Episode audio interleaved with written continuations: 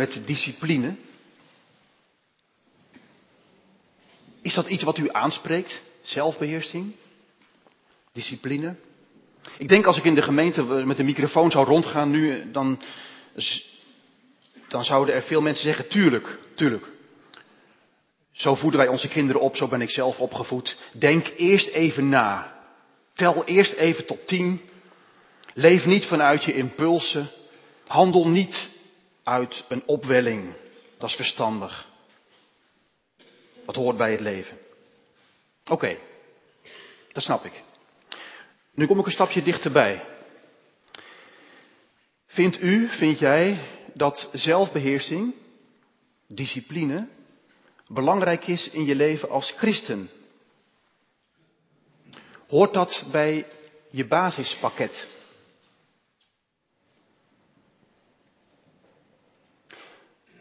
Er zullen mensen zijn die vanmorgen zeggen, nou weet je, daarom ben ik nou juist lid van de Maranatenkerk geworden.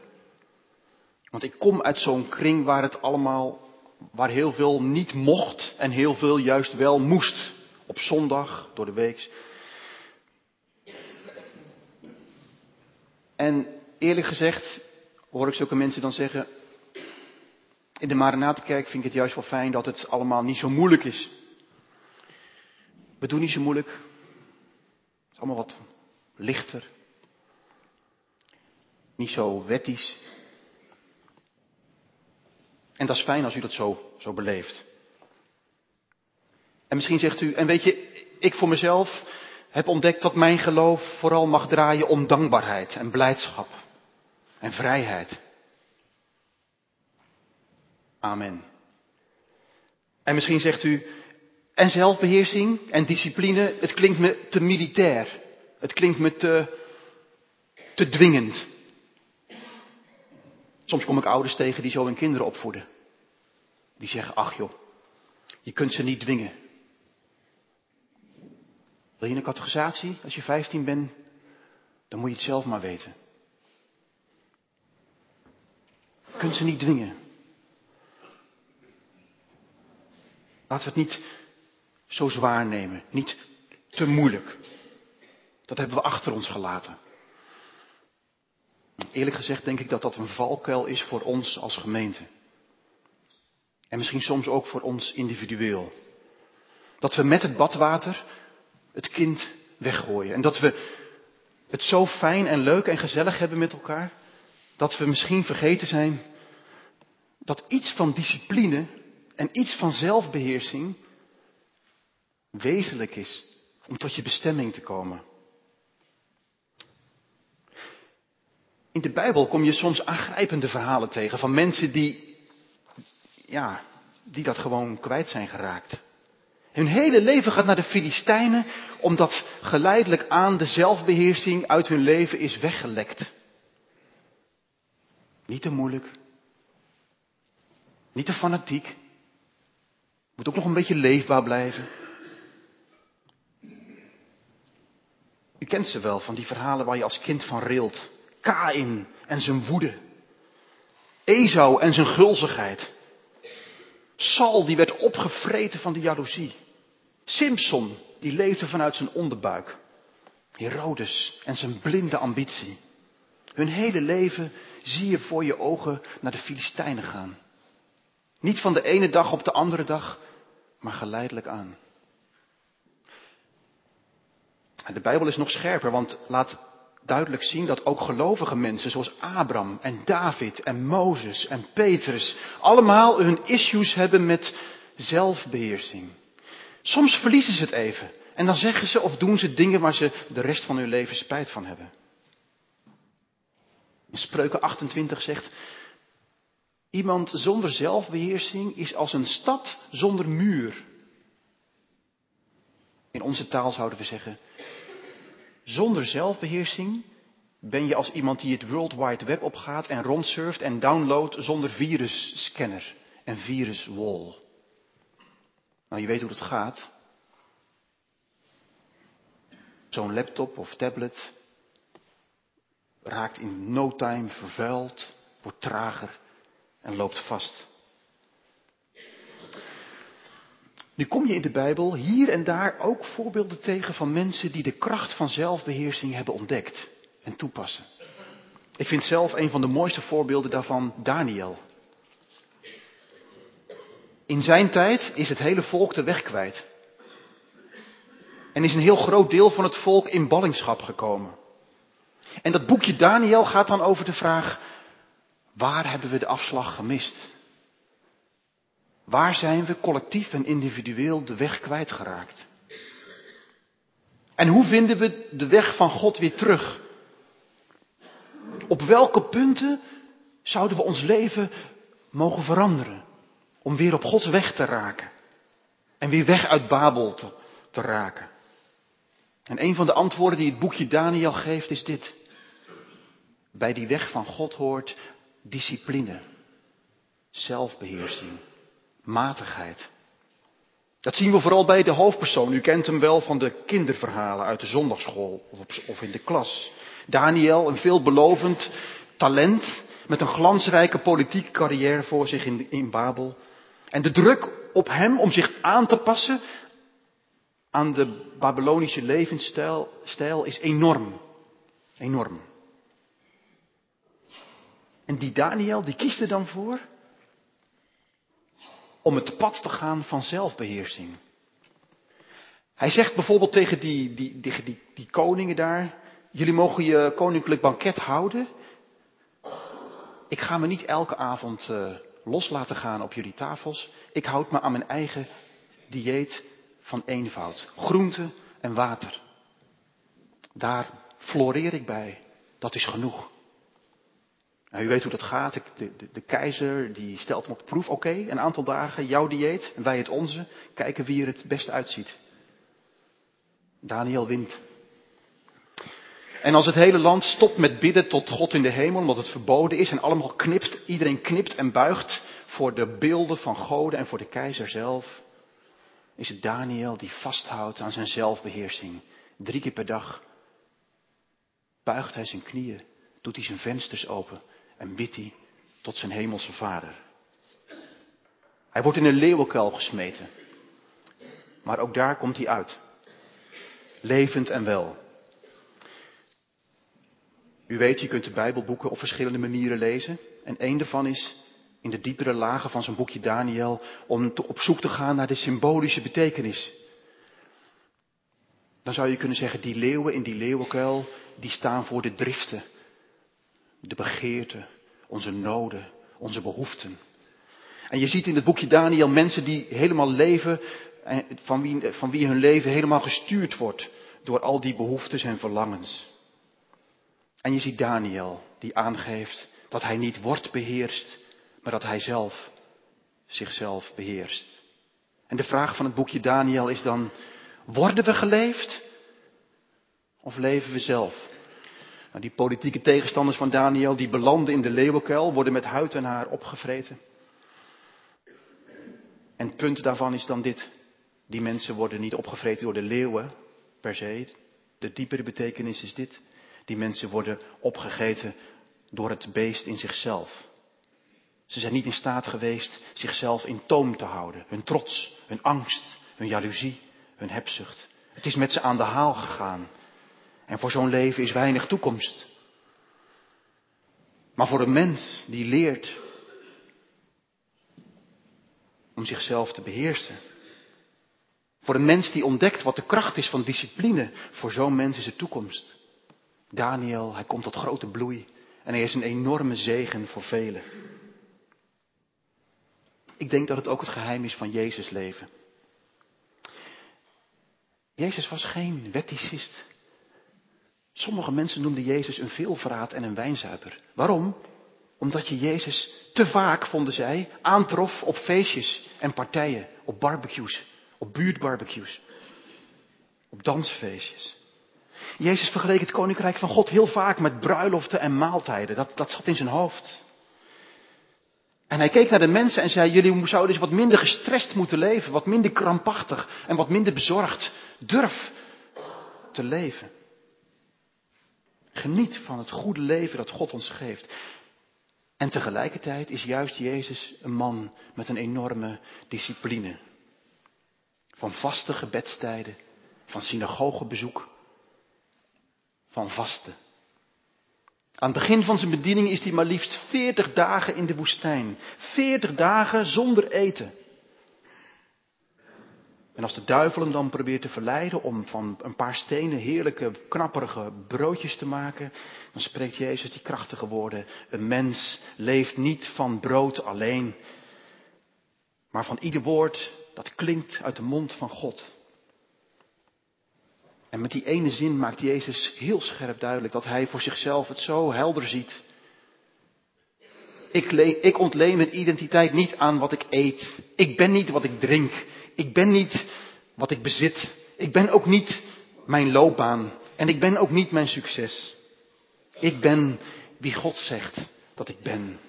En dat had God even daarvoor gezegd. Jij bent mijn geliefde zoon. In jou vind ik vreugde. Kijk, en daar heeft Jezus ja tegen gezegd. Ja, vader. Dat ben ik. En omdat Jezus zo van harte ja heeft gezegd tegen wat God van hem vindt, kan hij daarna ook vrij makkelijk nee zeggen voor alles wat daarbij in de weg zit. Dat was ook Daniels geheim. Het was geen krachtpatser. Misschien zegt hij, ach ja, zelfbeheersing, dat is voor de een makkelijker dan voor de ander. Het kwestie van karakter. Ik denk het niet. Het, het zal zo zijn, maar het is niet het hele verhaal.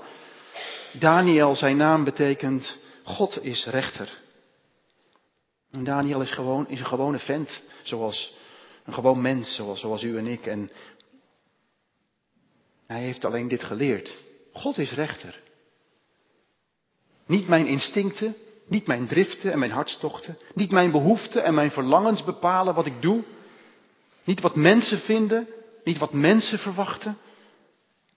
Gods mening, Gods oordeel is bepalend voor mijn doen en laten. Daar laat ik me door leiden. En daar laat ik me door sturen en door corrigeren. Ik zat van de week die, die verzoekingsverhalen van de evangelisten even te vergelijken. Matthäus hebben we vanmorgen gelezen. Lucas lijkt er wat op.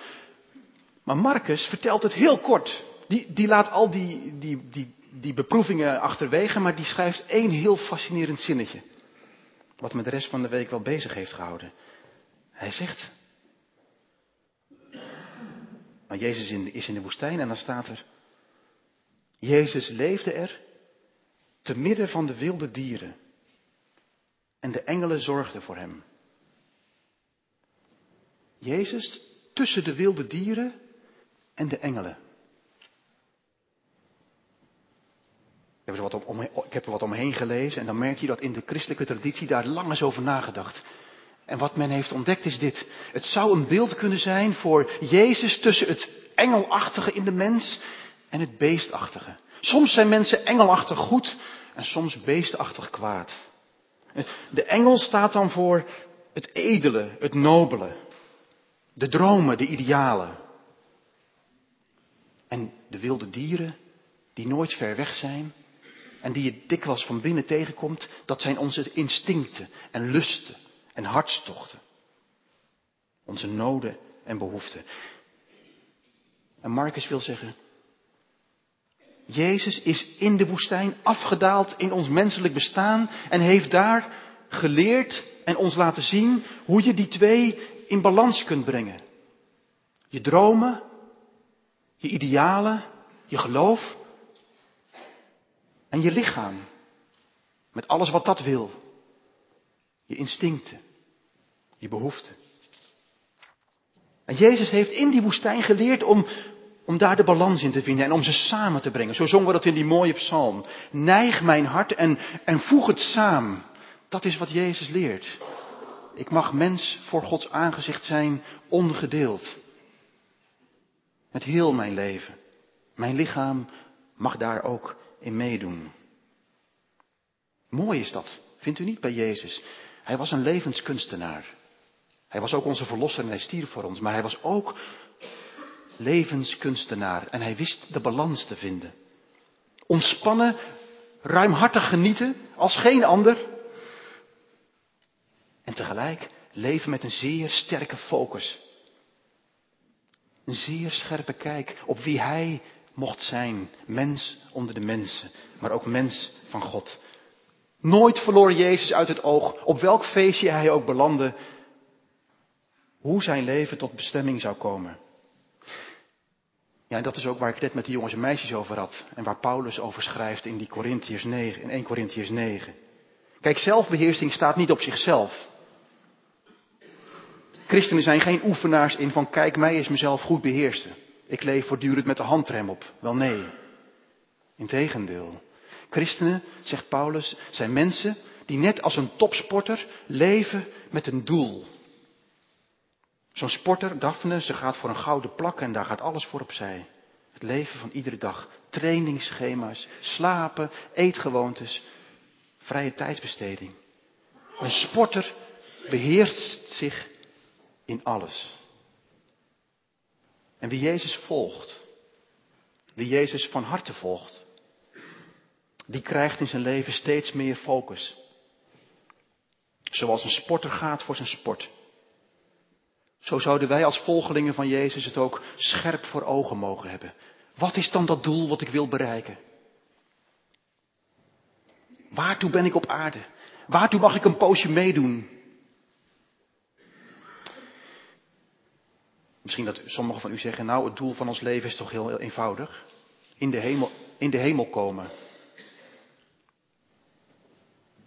Paulus steekt iets dieper af. In Romeinen 8 zegt hij in één briljant vers wat ons doel is op aarde. Hij zegt, wij zijn ervoor bestemd het evenbeeld te worden van Jezus. We zijn ervoor gemaakt om steeds meer te gaan lijken op Jezus. En zo steeds meer Gods heerlijkheid te weerspiegelen. Zijn licht te verspreiden. Zijn handen te zijn. Zijn oren. Zijn ogen. Zijn voeten. Zijn werk te doen in deze wereld. Dat is ons levensdoel. Daarom mogen u en ik en jij een poosje meedoen op aarde. Om gevormd te worden naar het beeld van Christus. En dat komt ons niet aanwaaien. Er is ook eigenlijk maar één manier voor. Eenvoudig de weg te gaan die Jezus ging. En er zijn honderdduizenden mensen ons voorgegaan. Die weg van Jezus gaan. En weet u wat ze ontdekt hebben? Op die weg heb je een aantal goede gewoontes nodig. Dat noemden ze geestelijke disciplines. En je zou ze in twee groepen kunnen verdelen. Je hebt de disciplines van toewijding en je hebt de disciplines van onthouding. En die, die gewoontes die helpen je om niet mee te gaan met de stroom. Ik weet niet hoe je dat ervaart, maar het is echt heel erg lastig, zo niet onmogelijk, om zonder, disciplines niet jezelf te laten meevoeren met de schema's en denkpatronen en het sentiment van hoe alle mensen op straat en op uw werk denken en leven. Wordt deze wereld niet gelijkvormig, maar wordt vernieuwd in je denken. Nou, dat komt niet zomaar aanwaaien en daar helpt ook een preekje niet bij.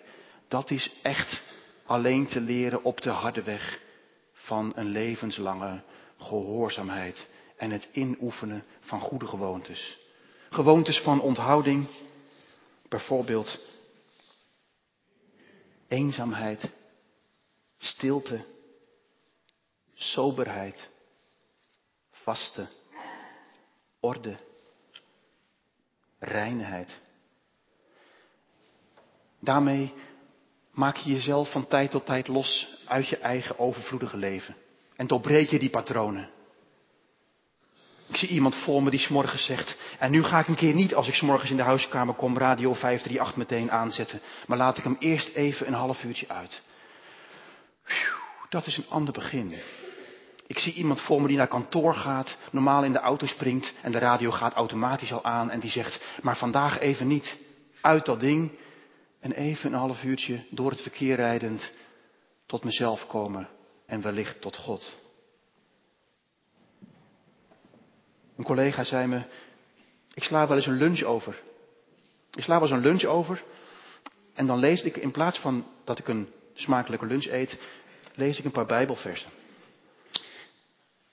En die laat ik dan rondgaan en ik ga lekker wandelen en ik eet niet en ik voel de honger. En En ik merk dat er bij God een overvloed is. Dat de mens niet alleen van brood leeft, maar van ieder woord dat uit Gods mond uitgaat. Heel praktisch en heel concreet. Er zijn de disciplines van onthouding, er zijn de disciplines van toewijding. En die zijn er ook. Bijbel lezen, bidden, zingen. Zingt u nog wel eens een lied voor God als u alleen bent? Avondmaal vieren. Misschien dacht u eh, toen u net de afkondigingen hoort, hoorde, oh, dominee Hansem gaat het heilige avondmaal behandelen. Hmm, dat wordt denk ik voor mij een avondje Champions League. Ik kan me voorstellen. Maar het gaat niet over het avondmaal behandelen als een soort van uh, lezing. Het gaat over, een, over dit. Dat wat ons opvalt, is dat het avondmaal in onze gemeente door een kring van mensen wordt gewaardeerd en meegevierd.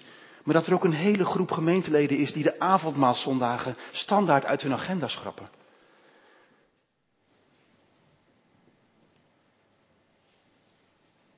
En het verlangen is bij ons om samen na te denken over hoe kunnen we het avondmaal weer tot het centrum van ons leven maken. Van ons aller leven. Want het is een van die disciplines die we zo hard nodig hebben om staande te blijven en gevormd te worden en gevoed in ons leven als christen. Het is niet maar voor de liefhebbers. Het is niet alleen maar voor de mensen die beleidnis hebben gedaan. Het is voor ieder mens die hier vanmorgen zit en die die weg met overtuiging wil gaan.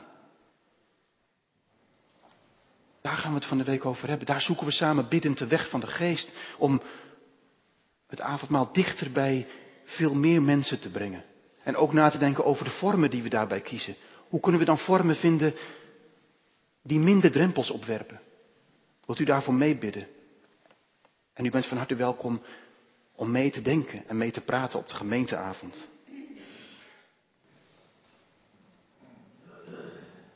Ik las van de week een mooie column in het Nederlands Dagblad. Iemand schreef. Vroeger zeiden we tegen elkaar, de kerk zou een, is een oase in de woestijn. En die persoon die zei, vandaag zou ik zeggen, laat de kerk alsjeblieft een woestijn zijn in de oase, in de vele oases van deze wereld. Er is zoveel comfort en het is zo leuk en zo gezellig en zo luxe en zo fijn. En geniet ervan. Ik wens u echt een heel fijn, gezellig, leuk leven.